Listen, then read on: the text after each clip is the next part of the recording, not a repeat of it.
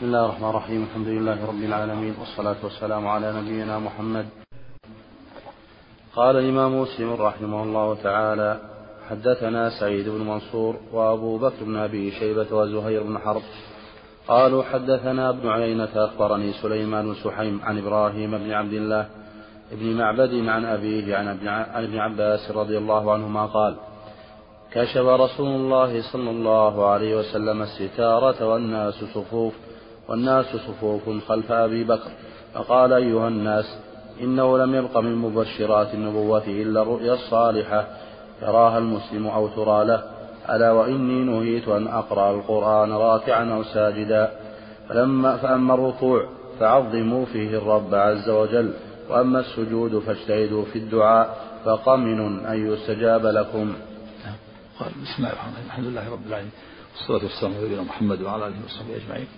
أما بعد. فهذا الحديث فيه أن النبي صلى الله عليه وسلم أخبر أنه انتهت النبوة وأنه لم يبقى إلا المبشرات وأنها الرؤيا الصالحة يراها المؤمن أو ترى له. إذا رأى المؤمن رؤيا صالحة هذه من المبشرات. أو رؤية له رآها له أحد من الصالحين. وداخل في قوله تعالى لهم البشرى في الحياة الدنيا وفي الآخرة. البشرى للمؤمنين بالرؤيا الصالحة وبثناء المؤمنين. هذه في الحياة الدنيا وفي الآخرة ثواب العظيم. ولكن المؤمن ما يغتر بهذه الرؤيا المؤمن تزيده نشاطا وقوة في العبادة ولا يغتر بالرؤيا وفيه النهي عن القراءة في حال الركوع والسجود. الركوع والسجود ليس محل القراءة. ولهذا قال فأما الركوع فعظموا فيه الرب. تسبيح. سبحان رب العظيم سبحان رب العظيم. إلا الدعاء التابع للتسبيح. يقول سبحانك اللهم ربنا وبحمدك اللهم اغفر لي. هذا دعاء قليل تابع للتسبيح. وأما السجود فأكثر في من الدعاء محل دعاء. بعد ما يقول سبحان ربي الأعلى سبحان ربي الأعلى سبحانك اللهم ربنا وبحمدك يدعو بما أحب من خير الدنيا والآخرة. ولهذا قال النبي صلى الله عليه وسلم وأما السجود فأكثر فيه من الدعاء. فقامن ويقال قمن وقمن فتح الميم وكسرها. قامن أن يستجاب لكم يعني حري حري أن يستجاب لكم. نعم.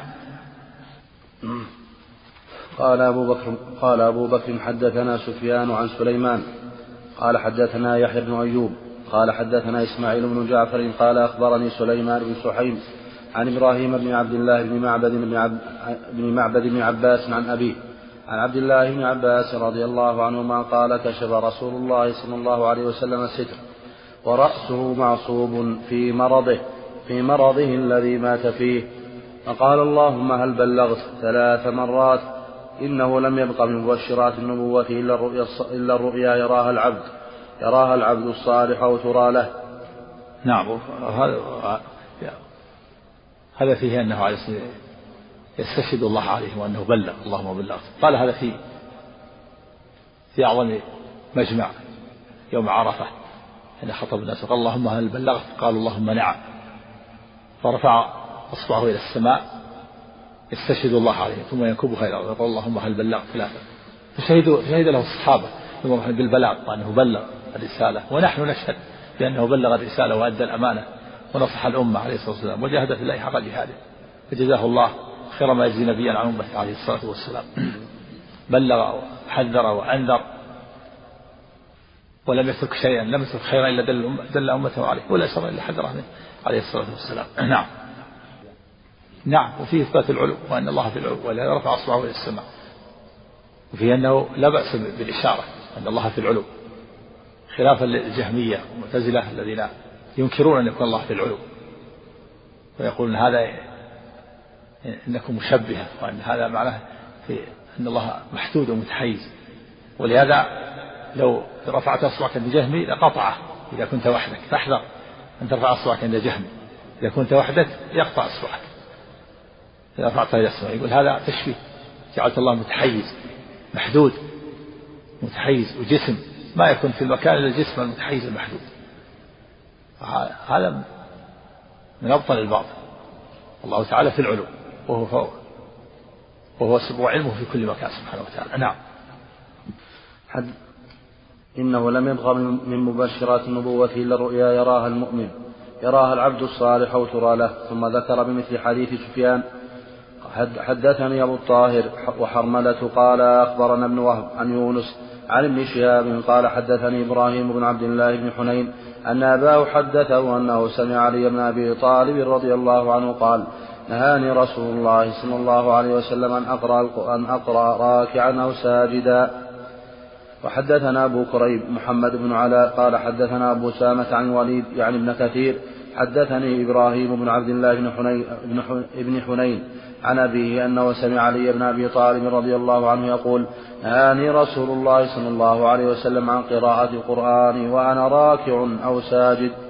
وحدثني أبو بكر بن إسحاق قال أخبرنا ابن أبي مريم قال أخبرنا محمد بن جعفر قال أخبرني زيد بن أسلم عن إبراهيم بن عبد الله بن حنين عن أبيه عن علي بن أبي طالب رضي الله عنه أنه قال نهاني رسول الله صلى الله عليه وسلم عن القراءة في الركوع والسجود ولا أقول نهاكم ولا أقال ولا أقول نهاكم. هذا من وراءه رضي الله عنه. وإلا فإن نهي النبي صلى الله عليه وسلم للواحد نهيه للأمة كلها لأن الشريعة عامة. لكن أراد علي رضي الله عنه أن أن يقول هذا الله الذي سمعته.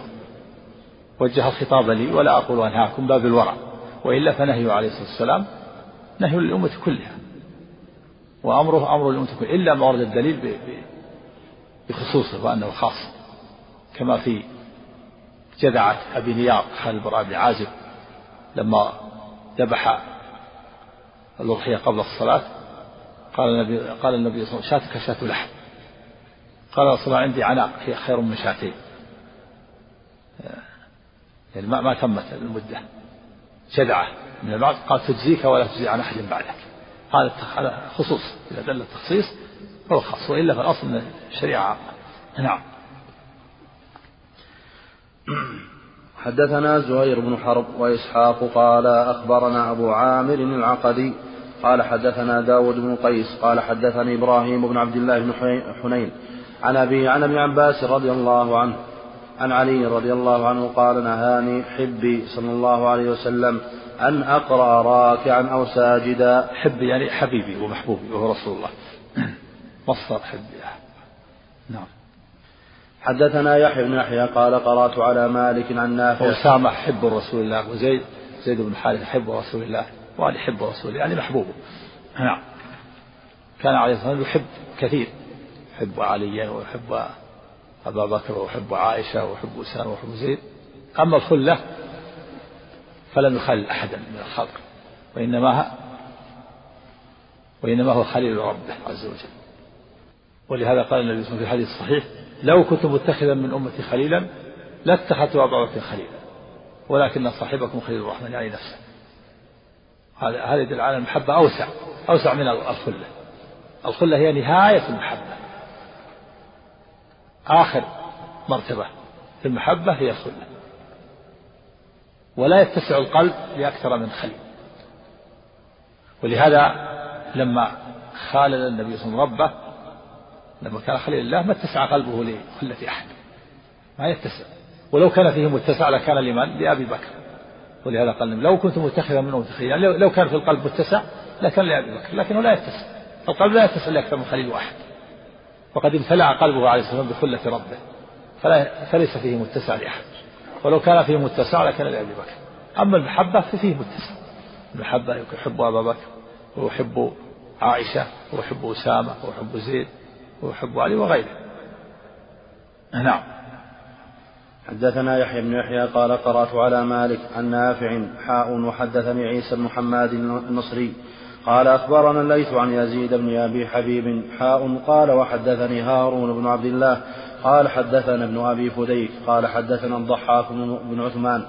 حاء قال وحدثنا المقدمي. قال حدثنا يحيى وهو, وهو القطان عن ابن عجلان حاء وحدثني هارون بن سعيد الأيلي قال حدثنا ابن وهب قال حدثني أسامة بن زيد حاء قال وحدثنا يحيى بن أيوب وقتيبة وابن حجر قالوا حدثنا إسماعيل يعنون ابن جعفر قال أخبرني محمد وهو ابن عمرو حاء قال وحدثني هناد بن السري قال حدثنا عبدة عن محمد بن إسحاق كل هؤلاء كل هؤلاء يعني إبراهيم بن عبد الله بن حنين عن أبيه عن علي إلا الضحاك وابن عجلان فإنهما زادا عن ابن عباس عن علي رضي الله عنهما عن النبي صلى الله عليه وسلم كلهم قالوا نهاني عن قراءة القرآن وأنا راكع ولم يذكروا في روايتهم النهي ولم يذكروا في روايتهم النهي عنها في السجود كما ذكر الزهري وزيد بن أسلم والوليد بن كثير وداود بن قيس. وحدثنا قتيبة عن حاتم بن إسماعيل عن, جعفر بن محمد عن محمد بن منكدر عن عبد الله بن حنين عن علي ولم يذكر في السجود. وحدثني عمرو بن علي قال حدثنا محمد بن جعفر قال حدثنا شعبة عن أبي بكر بن حفص عن عبد الله بن حنين عن ابن عباس أنه قال عن ابن عباس رضي الله عنهما أنه قال نهيت أن أقرأ وأنا راكع لا يذكر في الإسناد عليا. نعم هذا الظاهر التحريم. ما يجوز يتعمد يقرأ يقرأ في القرآن. في راكع حتى أن بعضهم ذكر من بعضهم قال لو تعمد بطل الصلاة. قرأ القرآن في الركوع والسجود نعم ما يجوز. إلا إذا كان ناسي هذا الناس المعفو عنه نعم.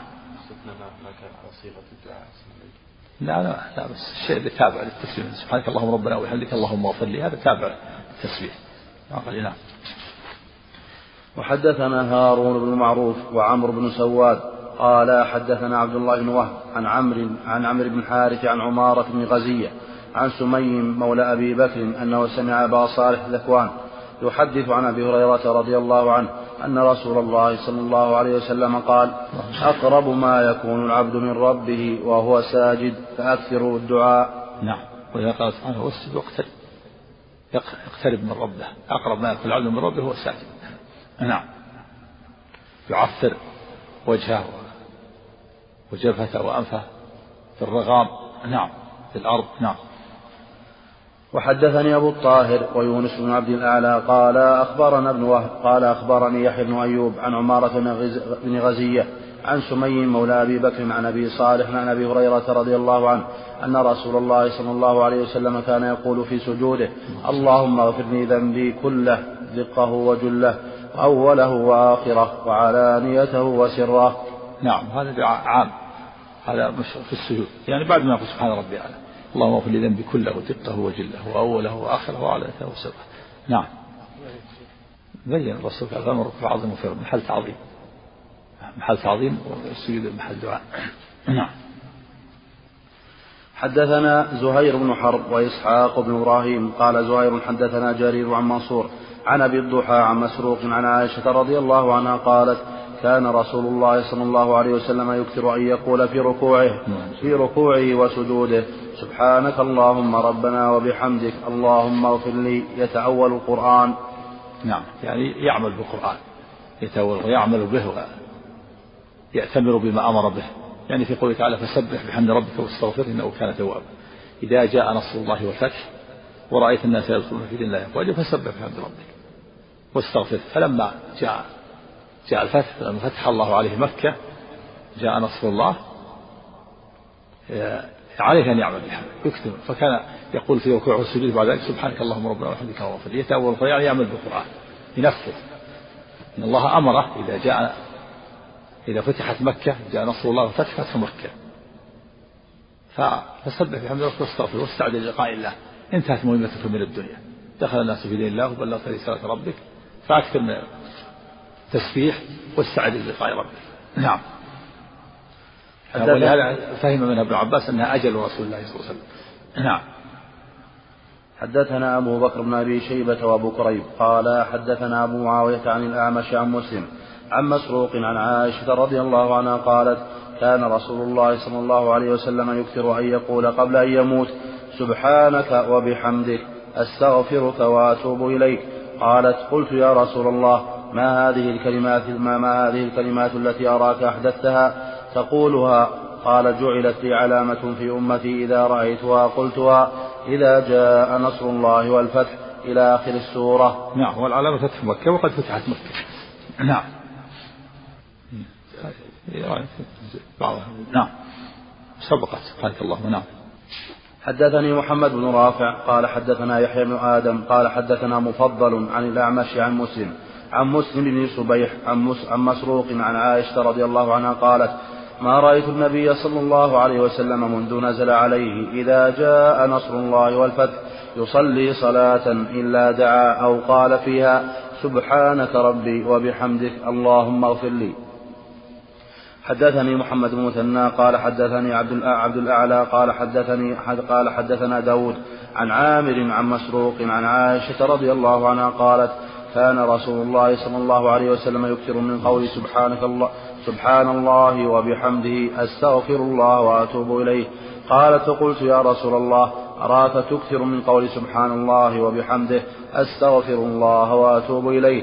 فقال خبرني ربي أني سأرى علامة في أمتي فإذا رأيتها أكثرت من قول سبحان الله سبحان الله وبحمده أستغفر الله وأتوب إليه. فقد رأيتها إذا جاء نصر الله والفتح فتح مكة. ورأيت الناس يدخلون في دين الله أفواجا. فسبح بحمد ربك واستغفره إنه كان توابا. وحدثني حسن بن علي الحلواني ومحمد بن رافع. قال حدثنا عبد الرزاق. قال أخبرنا ابن جريج. قال قلت لعطاء كيف تقول أنت كيف تقول أنت في الركوع؟ قال أما سبحانك وبحمدك لا إله إلا أنت. فأخبرني ابن أبي مليكة عن عائشة رضي الله عنها قالت افتقدت النبي صلى الله عليه وسلم ذات ليلة فظننت أنه ذهب إلى بعض نسائه فتحسست ثم رجعت فإذا هو راكع أو ساجد يقول سبحانك وبحمدك لا إله إلا أنت فقلت بأبي أنت وأمي إني, إني لفي شأن وإنك لفي آخر. اللهم صل وسلم. يعني بأبي وأمي يعني أتيك بأبي وأمي. إني لفي شأن يعني ظنت أنه ذهب إلى بعض نسائه وإذا وجدته يصلي ويقول سبحانك اللهم وبحمدك. أنا في شأن أنا مهتم من الغيرة من الغيرة أن يكون ذهب لأحد ضراتها وهو في الصلاة عليه الصلاة والسلام. نعم. حدثنا أبو بكر بن أبي شيبة قال حدثنا أبو سامة قال حدثني عبيد الله بن عمر عن محمد بن يحيى بن حبان عن الأعرج عن أبي هريرة عن عائشة رضي الله عنهما قالت عن محمد بن يحيى بن حبان. نعم. عن محمد بن يحيى بن حبان عن الأعرج عن أبي هريرة رضي الله عنه عن عائشة رضي الله عنها قالت فقدت رسول الله صلى الله عليه وسلم ليلة من الفراش فالتمسته فوقعت يدي على بطن قدميه وهو, وهو في المسجد وهما منصوبتان وهو يقول اللهم أعوذ برضاك من سخطك وبمعافاتك من عقوبتك وأعوذ بك منك. لا أحصي ثناء عليك. أنت كما أثنيت على نفسك. هذا دعاء عظيم. هذا فيه أنه لما وضعت يديها على بطن قدميه احتج به بعضهم على ظن بعضهم. بعض الإخوان أن هذا الحديث يفيد أنه أنه يلاصق ملاصق قدميه. ما يلزم من هذا. وقعت يدها على بطن قدميه يعني هكذا وهكذا. ولو كان بينهما فرجة. ما يلزم يعني أن يكون آه، قدماه يعني ليس بينهما فتحة. وفيه فضل هذا الدعاء مشروعيته في الدعاء. اللهم إني أعوذ برضاك من سخطك وبمعافاتك من عقوبتك وبك منك لا أحصي عليك اللهم أعوذ برضاك. استعاذ بصفة الرضا من صفة السخط. واستعاذ بفعل المعافاة من فعل العقوبة. واستعاذ بالله من الله. لا أحد يستعاذ به غير الله ولا يستعاذ بشيء خارج عن مشيئة الله وقدرته. فلا يستعاذ إلا بالله ولا يستعاذ إلا من الله. لا يعلم ما في هذه الكلمات إلا الله. اللهم إني أعوذ برضاك من سخطك. وبمعافاتك من عقوبتك وبك منك لا أحصي ثناء عليك أنت كما تدعى على مشروعية فيه مشروعية هذا الدعاء السجود نعم سمع هو. الآن بقي الآن من الدروس إن شاء الله قبل الحج الأسبوع القادم فقط. بعدها ما يبقى إلا يومين نهاية الشهر. اقترح بعض الإخوان حول بلوغ المرام قراءة بلوغ المرام في كتاب الحج. وأنها يستحسن أن نكمل الأحاديث التي تتعلق بالحج. ولا يمكن هذا إلا إذا أخذنا درس الأربعاء. فإن شئتم نأخذ درس الأربعاء الأسبوع هذا والأسبوع القادم مع يوم الأحد عشان نكمل البلوغ. لأن نحتاج إلى ثلاث جلسات. يكون على يوم الأربعاء بعد بكرة إن شاء الله نأخذ في البلوغ سبعة أحاديث. ويوم الأحد القادم سبعة أحاديث. ويوم الأربعاء الثاني يبقى باب الفوات والإحصار أحاديث فقط. ينتهي تنتهي أحكام الحج. لأنه مناسبة الآن. فعلى هذا تكون يوم الأربعاء إن شاء الله تحفظون سبعة أحاديث بالعدد. ويكون معكم وإن بقي وقت أخذ الفرائض قسم الفرائض مع الفتاوي يكون معكم الفتاوي أيضا. مجموعة الفتاوي ويوم الأحد كذلك سبعة أحاديث. وإن بقي وقت يكون معكم الدرة السنية. ويوم الثلاثاء يوم الأربعاء الثاني باب فوات الإحصار. وهو مهم باب مهم وفي ثلاثة أحاديث لكنها حديث يعني شاملة لما يتعلق بالفوات والإحصار. ويكون نأخذ كتابين يوم الأحد يكون معكم البلوغ الشرح ويكون أيضا الدرس السنية بقي وقت.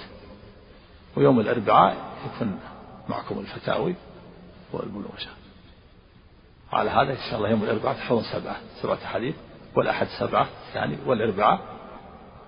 وبعدين إن شاء الله سالفة الدروس إن شاء الله يوم بعد العيد أسأل الله حياة طيبة. تعود كما كانت النخبة تكون يوم الأحد ترجع. نخبة على على الدروس كما هي. نعم نعم بسم الله الرحمن الرحيم. حدثني أبو بكر بن أبي شيبة قال حدثنا محمد بن بشر العبدي قال حدثنا يوم, يوم الاثنين والخميس كما هي باقي على حالة. يوم الاثنين صحيح مسلم والخميس هي دروسها كما هي. نعم. بس الأربعاء فقط. درس الأربعاء يكون بلوغ. الأسبوع هذا والأسبوع القادم. نعم. بس الاثنين باقي. نعم. اثنين صحيح مسلم. كما والخميس ثلاثة دروس نعم.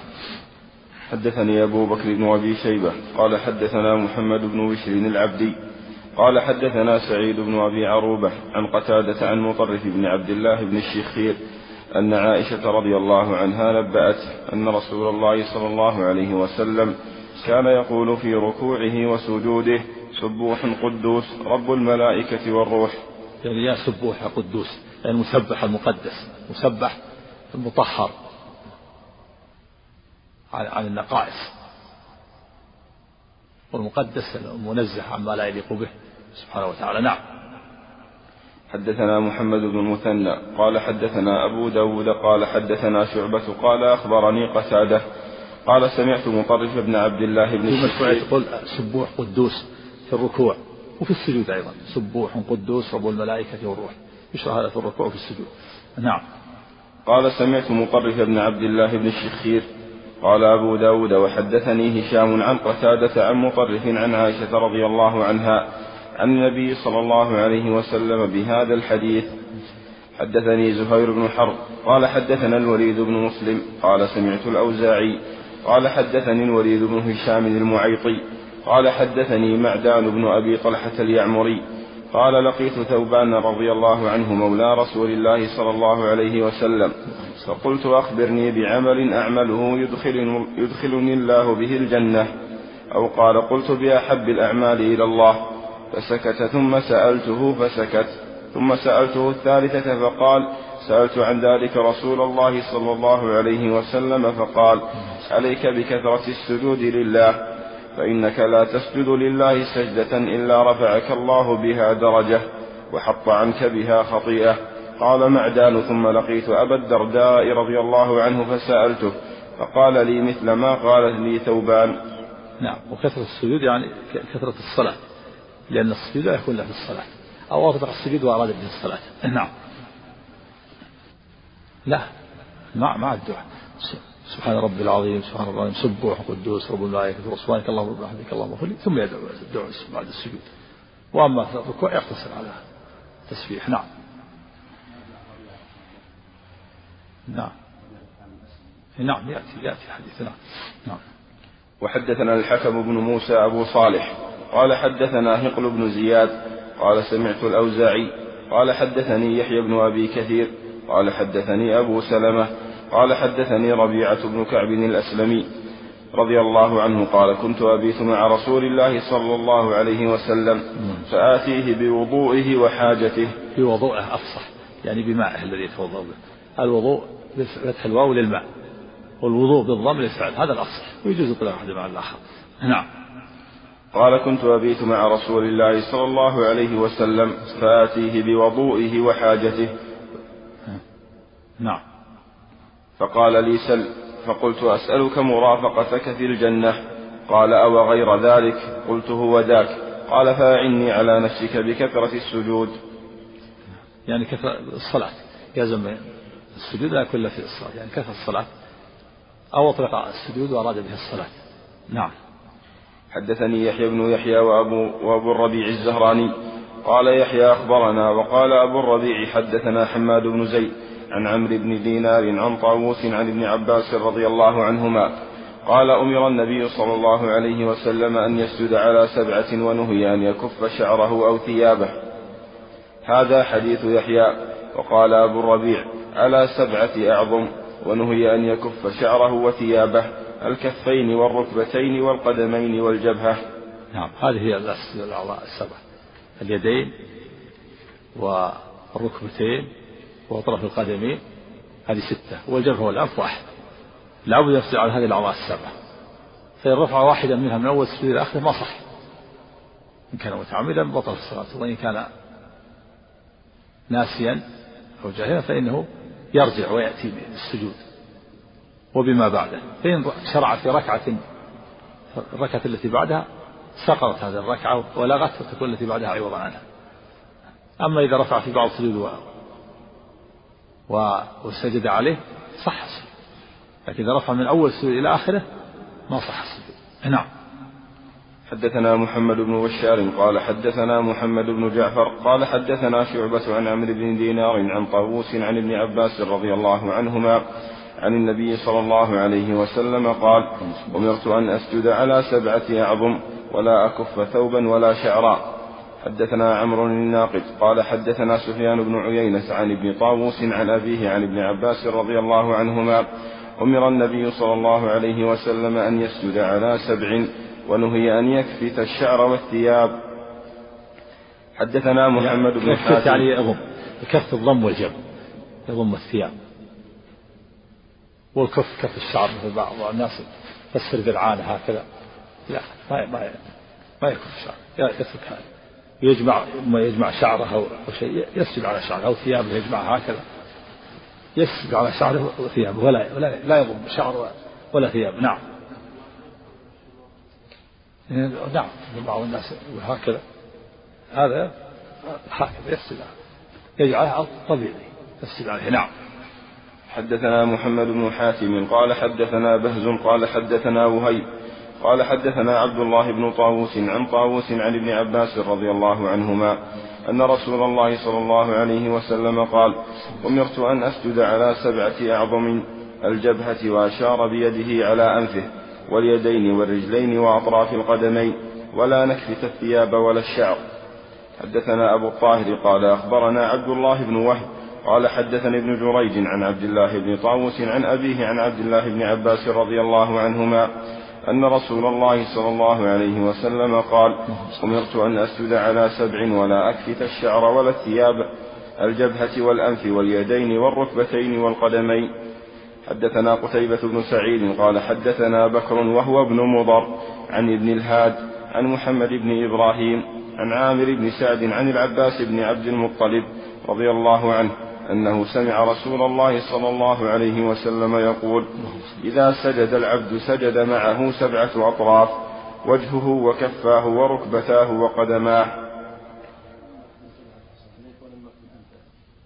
في خلاف. بعض العلماء يرى أنه ما ما ما يصح. نعم يخشى على خطأ. واجب على الإنسان تمكين الجبهة والأنف جميعا. نعم. حدثنا عمرو بن سواد العامري قال أخبرنا عبد الله بن وهب قال أخبرنا عضو واحد الجبهة والأنف بعضهم يقول إذا مكن أحدهما كفى المقصود أن عليه عليه أن يمكن الجبهة على خطأ. نعم نعم. حدثنا عمرو بن سواد العامري قال أخبرنا عبد الله بن وهب قال أخبرنا عمرو بن الحارث أن بكيرا حدثه أن كريبا مولى ابن عباس رضي الله عنهما حدثه عن ابن عباس أنه رأى عبد الله بن الحارث يصلي ورأسه معقوص من ورائه فقام فجعل, فجعل يحله. فلما انصرف أقبل إلى ابن عباس فقال ما لك ورأسي؟ فقال إني سمعت رسول الله صلى الله عليه وسلم يقول إنما مثل هذا مثل الذي يصلي وهو مكتوف. حدثنا أبو بكر بن أبي شيبة قال حدثنا وكيع عن شعبة عن قتادة عن أنس رضي الله عنه قال قال رسول الله صلى الله عليه وسلم اعتدلوا في السجود ولا يبسط أحدكم ذراعيه بساط الكلب. حدثنا محمد بن المثنى وابن بشار قال حدثنا محمد بن جعفر حاء قال وحدثني يحيى بن حبيب قال حدثني خالد يعني ابن الحارث قال حدثنا شعبة بهذا الإسناد وفي حديث ابن جعفر ولا يتبسط أحدكم ذراعيه بساط الكلب. لا يبسطها على الأرض بل يرفع يرفع ذراعيه جاء في عرضه عن جنبيه وبطنه وعن فخذيه وفخذه عن ساقيه. نعم كما يأتي أن كان إذا سجد جنح وخوى يعني رفع. نعم. حدثنا يحيى بن يحيى قال أخبرنا عبيد الله بن إياد عن أياد قال أخبرنا عبيد الله بن إياد عن إياد عن البراء رضي الله عنه قال قال رسول الله صلى الله عليه وسلم إذا سجدت فضع كفيك وارفع مرفقيك. نعم هكذا. لأنه إذا لم يرفع مرفقيه بسطها كما يبسط الكلب وهذا منهي عنه. لا يبسط الذراع بل يرفع مرفقيه. نعم. نعم. هذا إذا كان في سجود في التهجد لا بأس. جاء ما يدل على أن يعتمد عليها إذا شق عليه. كان سجود طويل؟ نعم. حدثنا قتيبة بن سعيد قال حدثنا بكر وهو ابن مضر عن جعفر بن ربيعة عن الأعرج عن عبد الله بن مالك بن بحينة رضي الله عنه أن رسول الله صلى الله عليه وسلم كان إذا صلى فرج بين يديه حتى يبدو بياض إبطيه نعم. هذا دليل على عليه السلام آه، في الغالب أنه يكون عليه إزار ورداء حتى يبدو البياض في دليل عنه يتعاهد شعر الإبط ولا يبقي فيه شعر. ولهذا يبدو بياض إبطيه في الغالب يكون عليه رداء فيبدو. لكن الذي عليه قميص ما يبدو. لكن العرب على عادة يلبس إزار ورداء. الذي عليه رداء مثل المحرم إذا رفع بان بياض إبطيه نعم. حدثنا عمرو بن سواد قال أخبرنا عبد الله بن وهب قال أخبرنا عمرو بن الحارث والليث بن سعد كلاهما عن جعفر بن ربيعة بهذا الإسناد. وفي رواية عمرو بن الحارث كان رسول الله صلى الله عليه وسلم إذا سجد يجنح في سجوده حتى يرى وضح إبطيه حتى يرى وضح. حتى يرى وضح إبطيه نعم يجنح يعني يرفع. نعم نعم. وفي رواية الليث أن رسول الله صلى الله عليه وسلم كان إذا سجد فرج يديه عن إبطيه حتى إني لأرى بياض إبطيه حدثنا يحيى بن يحيى وابن أبي عمر جميعا عن سفيان. قال يحيى أخبرنا سفيان بن عيينة عن عبيد الله بن عبد الله بن الأصم عن عمه يزيد بن الأصم عن ميمونة رضي الله عنها قالت كان رسول الله صلى الله عليه وسلم إذا سجد لو شاءت بهمة أن تمر بين يديه لمرت. وهي أولاد الغنم لأنه فرج ويزيد بن الأصم خالة ميمونة كما هي خالة ابن عباس. وهو ممن روى أن النبي صلى الله عليه وسلم تزوج من ميمونة وهو حلال. وكذلك أيضا آه، ميمونة نفسها. وكذلك أبو رافع السفر أما ابن عباس فإنه روى كما في صحيح البخاري أن النبي صلى الله عليه وسلم تزوج ميمونة وهو وهو محرم. وهذا وهم ابن عباس. وهم الحديث صحيح في البخاري لكن وهم ابن عباس. ويدل على الوهم أن ثلاثة أخبروا بأنه تزوجها وهو حلال. ميمونة نفسها القصة وأبو رافع وهو السفير ويزيد بن أصم وهي خالته كما هي خالة ابن عباس. نعم. حدثنا إسحاق بن إبراهيم الحنظلي قال أخبرنا مروان بن معاوية الفزاري قال حدثنا عبيد الله بن عبد الله بن الأصم عن يزيد بن الأصم أنه أخبره عن ميمونة رضي الله عنها زوج النبي صلى الله عليه وسلم قالت كان رسول الله صلى الله عليه وسلم إذا سجد خوى بيديه خوى يعني وجنح بمعنى واحد يعني رفع. نعم. يعني جنح حتى يرى وضح إبط حتى يرى وضح إبطيه من ورائه. جنح جنح, جنح وخوى هكذا رفع. نعم. وإذا قعد اطمأن على فخذه اليسرى. يعني إذا قعد التشهد الأول وجلوس السجدتين قعد يعني جلس على فخذه اليسرى. أما التشهد الأخير فإنه يتورك. يخرج رجله اليسرى عن يمينه ويجلس على اليتين أما في السجدة بين السجدتين والتشهد الأول يقعد على ينصب اليمنى ويجلس عليها. نعم. حدثنا أبو بكر بن أبي شيبة وعمر الناقل وزهير بن حرب وإسحاق بن إبراهيم واللفظ لعمر. قال إسحاق أخبرنا وقال الآخرون حدثنا وكيع. قال حدثنا جعفر بن برقان عن يزيد بن الأصم عن ميمونة بنت الحارث رضي الله عنها قالت كان رسول الله صلى الله عليه وسلم إذا سجد جافى حتى يرى من خلفه وضح إبطيه قال وكيع تعني بياضهما. حدثنا محمد بن عبد الله بن نمير. قال حدثنا أبو خالد يعني الأحمر عن حسين المعلم. حاء قال وحدثنا إسحاق بن إبراهيم واللفظ له. قال أخبرنا عيسى بن يونس. قال حدثنا حسين المعلم عن بديل بن ميسرة عن أبي الجوزاء عن عائشة رضي الله عنها قالت كان رسول الله صلى الله عليه وسلم يستفتح الصلاة بالتكبير. بركة بسم الله الرحمن الرحيم. الحمد لله والصلاة والسلام على نبينا محمد. قال الإمام مسلم رحمه الله تعالى حدثنا محمد بن عبد الله بن نمير. قال حدثنا أبو خالد يعني الأحمر عن حسين المعلم. حاء قال وحدثنا إسحاق بن ابن وحدثنا إسحاق بن إبراهيم. واللفظ له. قال أخبرنا عيسى بن يونس قال حدثنا حسين المعلم عن بديل عن بديل بن ميسرة عن أبي الجوزاء عن عائشة رضي الله عنها قالت كان رسول الله صلى الله عليه وسلم يستفتح الصلاة بالتكبير والقراءة بالحمد لله رب العالمين وكان إذا ركع لم يشخص رأسه ولم يصوبه ولكن بين ذلك وكان إذا رفع رأسه من الركوع لم يسجد حتى يستوي قائما. وكان إذا رفع رأسه من السجدة لم يسجد حتى يستوي جالسا. وكان يقول في كل ركعتين التحية. وكان يفرش رجله اليسرى وينصب رجله اليمنى. وكان ينهى عن عقبة الشيطان وينهى أن يفترش الرجل ذراعيه افتراش السبع. وكان يختم الصلاة بالتسليم وفي رواية ابن نمير عن أبي خالد وكان ينهى عن عقب الشيطان. بسم الله الرحمن الرحيم. الحمد لله رب العالمين. والصلاة والسلام على أشرف الأنبياء والمرسلين نبينا محمد وعلى آله وصحبه أجمعين. أما بعد فهذا الحديث اشتمل على أحكام عظيمة. منها مشروعية افتتاح الصلاة بالتكبير وأنها وأن الصلاة لا تفتح إلا بالتكبير. الله أكبر وأنه لا يجزي غيرها. وإلى هذا ذهب جماهير من أهل العلم إلى أن الصلاة تفتح بالتكبير. الله أكبر. وأنه لا يجزئ غيرها. في الحديث الآخر افتتاحها التكبير واختتامها التسليم. فتفتح بالتكبير. الله أكبر. لا يجزئ غيرها. فلو قال الله الأعظم أو الله الأجل فلا يجزئ. خلافا لما جاء في مذهب أبي حنيفة من أنه يجزئ التعظيم. فلو قال الله الأعظم أو الله الأجل صحت انعقدت الصلاة. والصواب أنها لا تنعقد ولا تفتتح الصلاة إلا بالتكبير ولهذا في هذا الحديث كان كان النبي صلى الله عليه وسلم يفتتح الصلاة بالتكبير الله أكبر. لا يجزئ غيرها. ولا تنعقد الصلاة بدون التكبير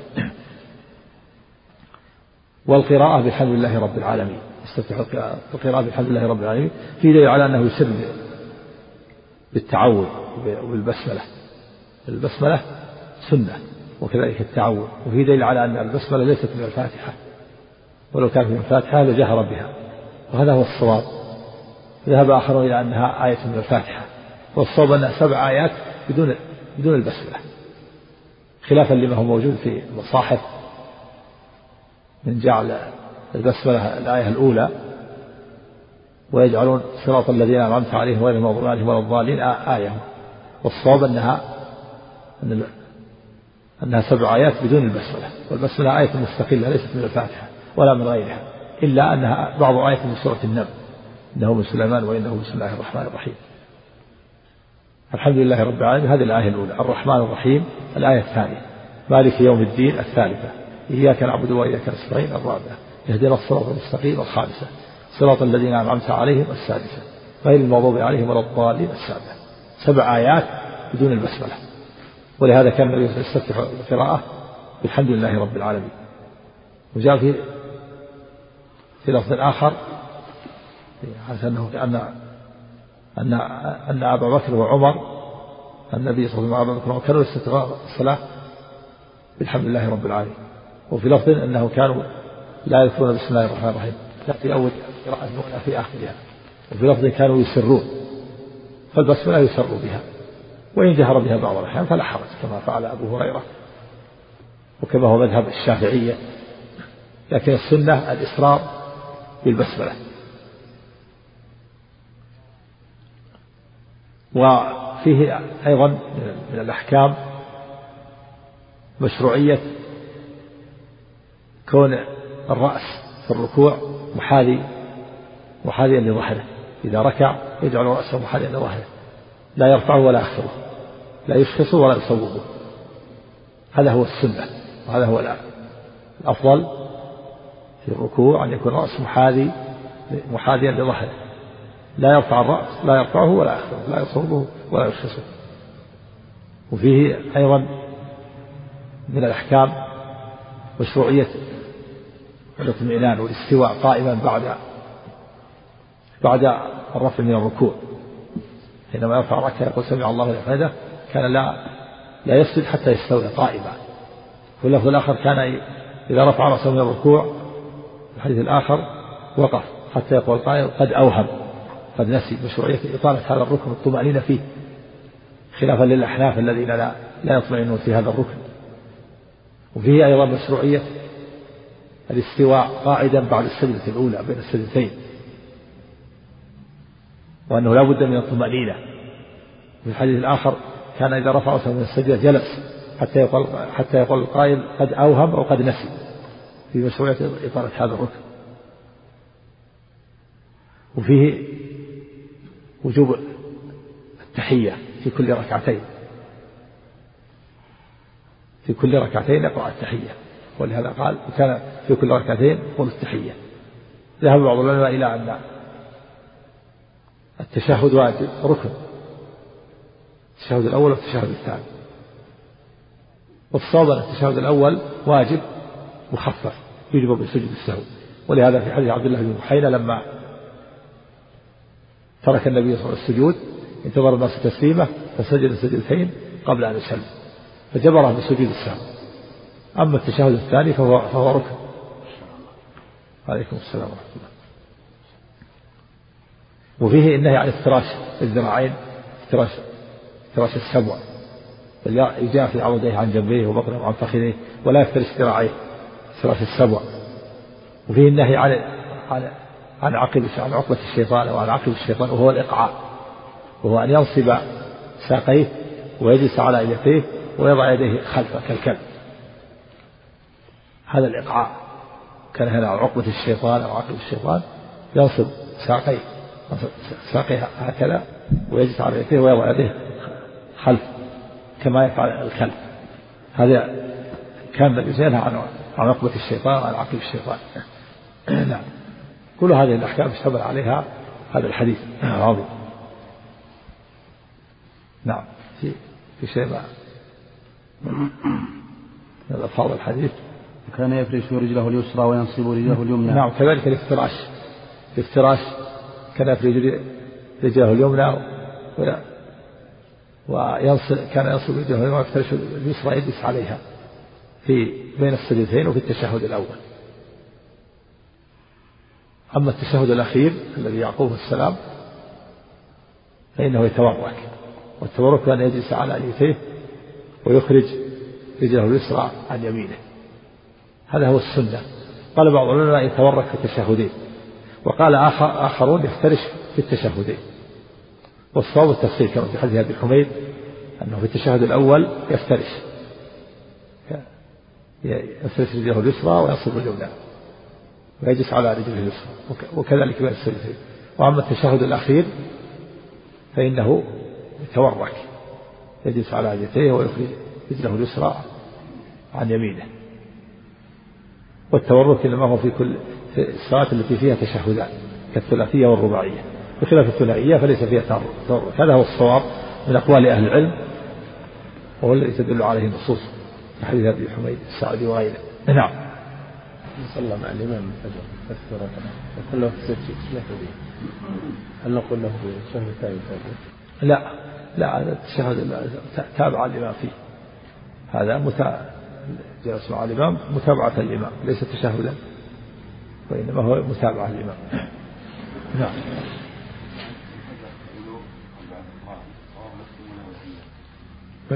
أي حديث؟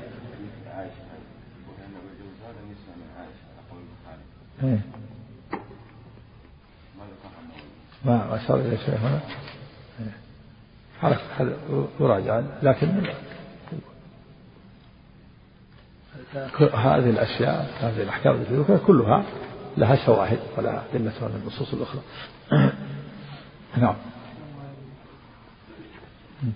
نعم. لا فيها. كل صلاة فيها تشهدان التشهد الأخير. الصلاة اللي فيها تشهدان فيها تورك في التشهد الأخير.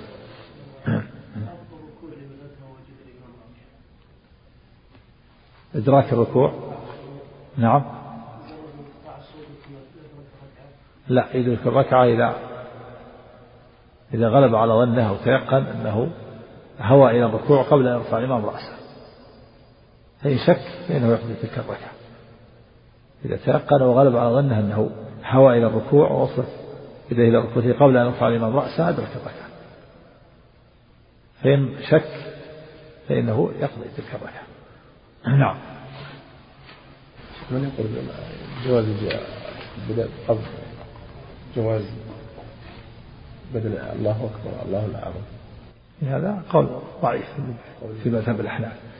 في مذهب الأحناف نعم. نعم. وكان ينهى عن عقبة الشيطان وينهى أن يفترش الرجل ذراعيه افتراش السبع. وكان يختم الصلاة بالتسليم. وكذلك أيضا اختلاف الصلاة بالتسليم. هذا من الأحكام على يشتمل على الحديث. فيه دليل على وجوب التسليم. اختلف العلماء الجمهور على أن التسليمة الأولى هي الواجبة والثانية مستحبة. وقال آخرون بوجوبهما. نعم. فينبغي للإنسان أن يعتني بالتسليم. وينبغي للإمام المأموم أن ينتظر حتى يقضي الإمام التسليمة الثانية نعم. حدثنا يحيى بن يحيى وقتيبة بن سعيد وأبو بكر بن أبي شيبة قال يحيى أخبرنا وقال آخران حدثنا وقال الآخران حدثنا أبو الأحوص عن سماك عن موسى بن طلحة عن أبيه قال قال رسول الله صلى الله عليه وسلم إذا وضع أحدكم بين يديه مثل مؤخرة الرحل فليصلي ولا يبالي من مر وراء ذلك. هذا في مشروعية السترة المصلي يضعه أمامه.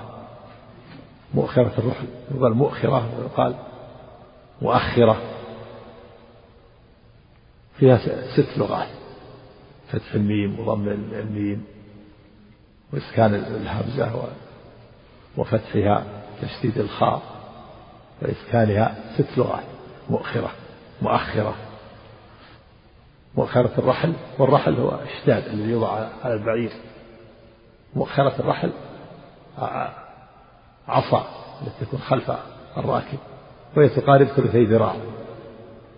ثلثي ذراع تقارب ثلثي ذراع في مشروعية السترة. مثل مؤخرة الرحل. يضع شيء أمامه قائم منتصب جدار أو عنزة عصا صغيرة في طرفها حديدة. أو تكون راحلة أمامه أو سيارة أو شجرة أو سارية أو شيء قائم. نعم. فإذا كان أمامه سترة فلا يضره من مر من ورائها نعم. وحدثنا محمد بن عبد الله بن نمير وإسحاق بن إبراهيم قال إسحاق أخبرنا وقال ابن نمير حدثنا وقال ابن نمير حدثنا عمر بن عبيد الطنافسي عن سماك بن حرب عن موسى بن طلحة عن أبيه قال كنا نصلي والدواب تمر بين أيدينا فذكرنا ذلك لرسول الله صلى الله عليه وسلم فقال مثل مؤخرة الرحل تكون بين بين يدي أحدكم ثم لا يضره ما مر بين يديه وقال ابن نمير فلا يضره من مر بين يديه. نعم. حدثنا كان إنسان أو غير أو حيوان لا يضره من مر بين يديه. وينبغي المصلي ألا يترك أحد يمر بين يديه لا إنسان ولا حيوان ولا غيره إذا تمكن. والسترة سنة مستحبة عند جمهور العلماء وذهب بعض أهل العلم إلى أنها واجبة. نعم. لا ما يقرأ الصلاة لكن ما ما ينبغي أن يترك المار بين يدي المصلي. يمنع المار ولو لم تقطع الصلاة نعم. نعم. عام البخاري بوب باب السترة بمكة وغيرها. باب السترة بمكة وغيرها. لكن في ال... إذا اشتد الزحام ف... ف... فإنه فيها يعفى من أجل المشقة. النصوص التي فيها رفع الحرج. نعم. حدثنا زهير بن حرب قال حدثنا عبد الله بن يزيد قال أخبرنا سعيد بن أبي أيوب عن أبي الأسود عن عروة عن عائشة رضي الله عنها أنها قالت سئل رسول الله صلى الله عليه وسلم عن سترة المصلي فقال مثل مؤخرة الرحل حدثنا محمد نعم. بن تقارب ثلثي ذراع كما سبق. العصا التي خلف الراكب. اشتاد نعم. نعم. حدثنا محمد بن عبد الله بن نمير قال حدثنا عبد الله بن يزيد قال أخبرنا حيوة عن أبي الأسود محمد بن عبد الرحمن عن عروة عن عائشة رضي الله عنها أن رسول الله صلى الله عليه وسلم سئل في غزوة تبوك عن سترة المصلي فقال كمؤخرة الرحل حدثنا محمد مثنى قال حدثنا عبد الله بن نمير حاء وحدثنا ابن نمير واللفظ له. قال حدثنا أبي قال حدثنا عبيد الله عن نافع عن ابن عمر رضي الله عنهما أن رسول الله صلى الله عليه وسلم كان إذا خرج يوم العيد أمر بالحربة فتوضع بين يديه فيصلي إليها والناس وراءه وكان يفعل ذلك في السفر فمن ثم اتخذها الأمراء. نعم والحرب عصا في طرفه حديدة. لكن إذا كانت صغيرة يقال لها عنزة وإذا كانت كبيرة يقال لها حربة. توضع بين يديه يعني تركز على الأرض طرفها الحديدة فتكون قائمة يصلي إليها في السفر وفي غيرها. ومن ثم اتخذها الأمراء اقتداء بالنبي صلى الله عليه وسلم. نعم. حدثنا أبو بكر بن أبي شيبة وابن نمير قال حدثنا محمد لا, لا بأس تحمل السترة يحمل الإنسان معه شيء عنزة أو عصا يجعله سترة لا بأس لا بأس بذلك. نعم. حدثنا أبو بكر بن أبي شيبة وابن نمير قال حدثنا محمد بن بشر قال حدثنا عبد قال حدثنا عبيد الله عن نافع عن ابن عمر رضي الله عنهما أن النبي صلى الله عليه وسلم كان يركز وقال أبو بكر يغرز العنزة ويصلي إليها. زاد ابن أبي شيبة قال عبيد الله وهي الحربة. حدثنا أحمد بن حنبل. كما سبق العنزة أصغر من الحربة الحربة أطول منها. نعم. وهي عصا في طرف حديدة نعم. فالحديد تحفر بها الأرض تركز نعم. يعني لا بأس أن يأخذ السترة معه أحسن الله إليك. لا بأس. نعم. حدثنا أحمد بن حنبل قال حدثنا معتمر بن سليمان عن عبيد الله عن نافع عن ابن عمر رضي الله عنهما أن النبي صلى الله عليه وسلم كان يعرض راحلته وهو يصلي إليها. نعم. كذلك. الراحلة لا بأس. تكون الراحلة سترة أو السيارة الراحلة أو الدابة سترة ويصلي إليها. وهذا في رواية المؤلف الإمام مسلم رحمه الله عنه عن أحمد بن حنبل عن الإمام وهو من شيوخه. هذا في الحديث رواية الإمام مسلم عن أحمد بن حنبل بخلاف البخاري فإنه ما روى عن أحمد لأنه عاصرة في شيوخه. لأنه عاصرة وروى فهو معاصر له وهو قليل له في الرواية عن الشيوخ. نعم.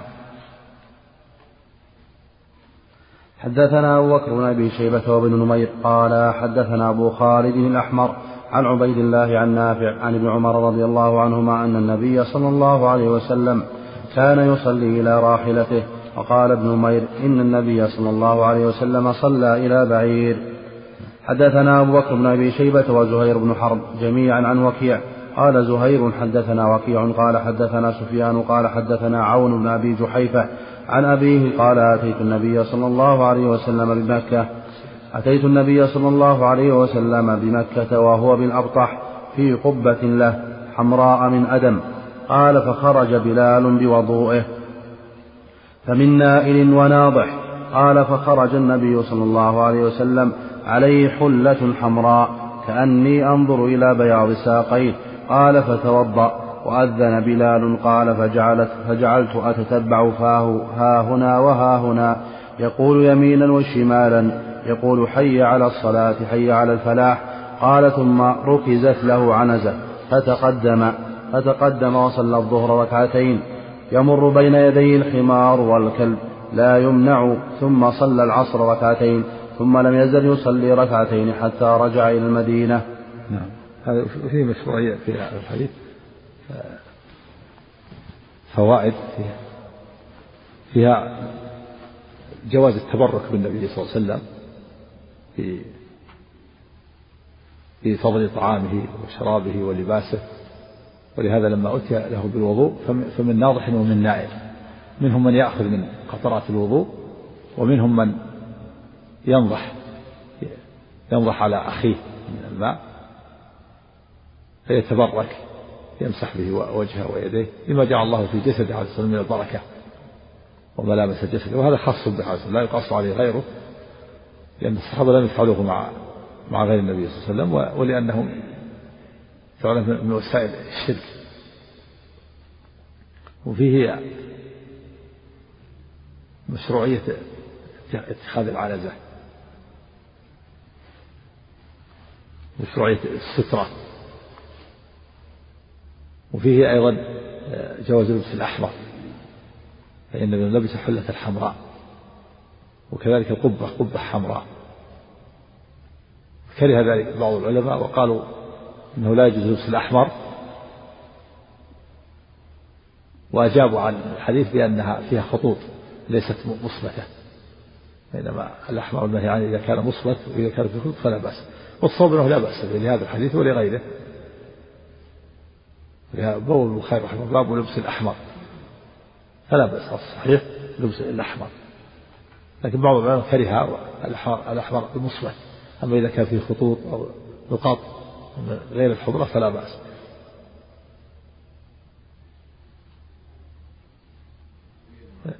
نعم. نعم. جاء جاء نصوص النهي عن عن اللبس الأحمر. الصواب أنه لا بأس هذا أصح. لبس حلة الحمراء والحلة من شيئين قطعتين إزار ورداء. وفيه أيضا آه، مشروعية القصر في السفر وأن المسافر يشرع له أن يقصر حتى يرجع إلى بلده. وفي هذا أن النبي وسلم له العنزة وفيه أن يمر من ورائها المرأة والحمار. لا يمنع فيه أن المصلي إذا كان معه سترة ومر من ورائها أحد فلا يضره ومر من ورائها سواء كان إنسان أو دابة ولا يمنع. وفيه أنه صلى الظهر ركعتين والعصر ركعتين. ظاهر أنه جمع بينهما وهذا احتمل أن يكون في في فتح مكة أو في حجة الوداع. في الأبطح احتمل أنه جمع. ولا بأس بجمع المسافر إذا كان إذا كان نازلا. لكن الأفضل الأكثر من أحواله صلى الله عليه وسلم أنه لا يجمع إلا إذا كان جادا في السير. أما إذا كان نازلا فلا يجمع وإنما يقصر ولا يجمع. كالحجاج بمنى يقصر ولا يجمع. صلى الصلاة في كل كل صلاة في وقتها قصر بلا جمع. لكن ثبت أن النبي صلى الله عليه وسلم جمع في تبوك وهو نازل فلا بأس. فلا بأس بالجمع إذا احتاج وقد يحتاج إلى الجمع لكثرة المصلين وتفرقهم بعد ذلك أو لقلة الماء أو لغير ذلك من الأسباب. ذهب الشيخ الإسلام ابن رحمه الله إلى أنه لا يجمع إذا كان نازل وإنما يجمع إذا كان جاد السير يقصر ولا يجمع. لكن ثبت أنه جمع في في تبوك وهذا الحديث ظاهر أنه جمع. أنه جمع صلى الظهر ركعتين ثم ثم صلى العصر ركعتين. ظاهر أنه جمع وهو نازل في الأبطح. فلا حرج. نعم. هو الحديث إيش عندك؟ قال أتيت النبي صلى الله عليه وسلم مكة. يقول فمن إلى ناضح فخرج من السماء الطاب في دخل فجاءوا من ناضح تبركا بآثاره صلى الله عليه وسلم. نعم. من إلى بعد ذلك وناضح تبركا بآثاره صلى الله عليه وسلم. وقد جاءوا بين في الحديث الآخر رأيت الناس يأخذون من فضل وضوئهم. في التبرك بآثار الصالحين واستعمال فضل طهورهم. لا لا لا هذا ليس بصحيح. ما يقاس ما يقاس هذا خاص به صلى الله عليه وسلم. خاص لا يقاس عليه غيره. لأن التبرك بغيره وسيلة إلى الشرك وسيلة إلى الغلو به. وأيضا قد يفضي إلى إلى عجبه إلى أن يعجب ويتكبر. والصحابة ما فعلوا مع غير هذا هذا خاص بالنبي صلى الله عليه وسلم. نعم. نعم. قال أتيت النبي صلى الله عن أبي جحيفة عن أبيه قال أتيت النبي صلى الله عليه وسلم بمكة وهو بالأبطح في قبة له حمراء من أدم. قال فخرج بلال بوضوئه فمن نائم وناضح. قال فخرج النبي صلى الله عليه نعم، وسلم. وفيه لا بأس بالاستعانة في, الوضوء يعني يحضر الإنسان له الماء كما سبق. لا بأس أن يحضر الإنسان له ماء خادمه أو أو أو ابنه أو تلميذه أو التابع له. يخرج الماء يحمل الماء فلا بأس في إناء أو في إبريق. أما وكذلك أيضا لا بأس بالاستعانة يصب عليه الماء وهو يتوضأ لا بأس أيضا. كما فعل المغيرة بن شعبة حينما صب على النبي صلى الله عليه وسلم في في غزوة تبوك. صب عليه الماء وهو يتوضأ غسل وجهه فلما أراد أن يغسل ذراعيه وعليه جبة ضاقت ضاق الكم ضيقة الكمين فأخرجها من أسفل فأخرج ذراعيه من أسفل صب عليه وغسل ذراعيه. فلما أراد أن يهوي لينزع خفيه حتى يغسله قال أن دعهما فإني أدخلتهما طاهرتين ثم مسح عليهما. هذا إعانة لا بأس. أما النوع الثالث من الإعانة يكون يغسل الأعضاء لا هذا لا ينبغي إلا إذا كان مريض إذا كان مريض لا بأس. ينويه ومن حوله يوضعه يمسح ذراعيه يمسح وجهه. أما إذا كان صحيح ما ينبغي ينبغي هو اللي يتولى هذا لكن لا بأس أن يصب عليه. نعم. قال فخرج النبي صلى الله عليه وسلم عليه حلة عليه حلة حمراء كأني أنظر إلى بياض ساقيه. نعم فيه أنه كان يرفع يرفع ثوبه إزاره حتى يبدو الساقين. الحديث الآخر أزرتهم إلى نصف ساقيه. نعم. شمرا. كأني أنظر إلى بياض ساقيه. نعم. قال فتوضأ وأذن بلال قال فجعلت أتتبع فاه ها هنا وها هنا نعم في مشروعية الأذان أيضا للصلاة في ومشروعية الالتفات في الأذان عن يمينه وعن شماله في الحيعلتين حتى يسمع. أهل هذه الجهة حي على الصلاة يلتفت يمين حي على الفلاح يلتفت يسار. سنة. لكن لا مكبر الصوت الآن يبلغ. إذا التفت يختل أو يضعف الصوت. نعم.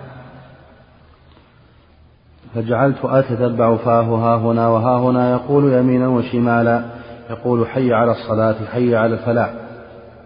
نعم. قال ثم ركزت له عنزة فتقدم فصلى الظهر ركعتين. يمر بين يدي الحمار والكلب لا يمنع. ثم صلى العصر ركعتين. نعم. ثم لم يزل يصلي ركعتين حتى رجع إلى المدينة. حدثني محمد بن حاتم قال حدثنا بهز قال حدثنا عمر بن أبي زائدة قال حدثنا عون بن أبي جحيفة أن أباه أن أباه رضي الله عنه رأى رسول الله صلى الله عليه وسلم في قبة حمراء من أدم ورأيت بلالا أخرج وضوءا فرأيت الناس يبتدرون ذلك الوضوء فمن فمن أصاب منه شيئا تمسح به ومن لم يصب منه أخذ من بلل يد صاحبه. للتبرك به عليه الصلاة لما جاء الله في جسده وما لامس الجسد من البركة. نعم.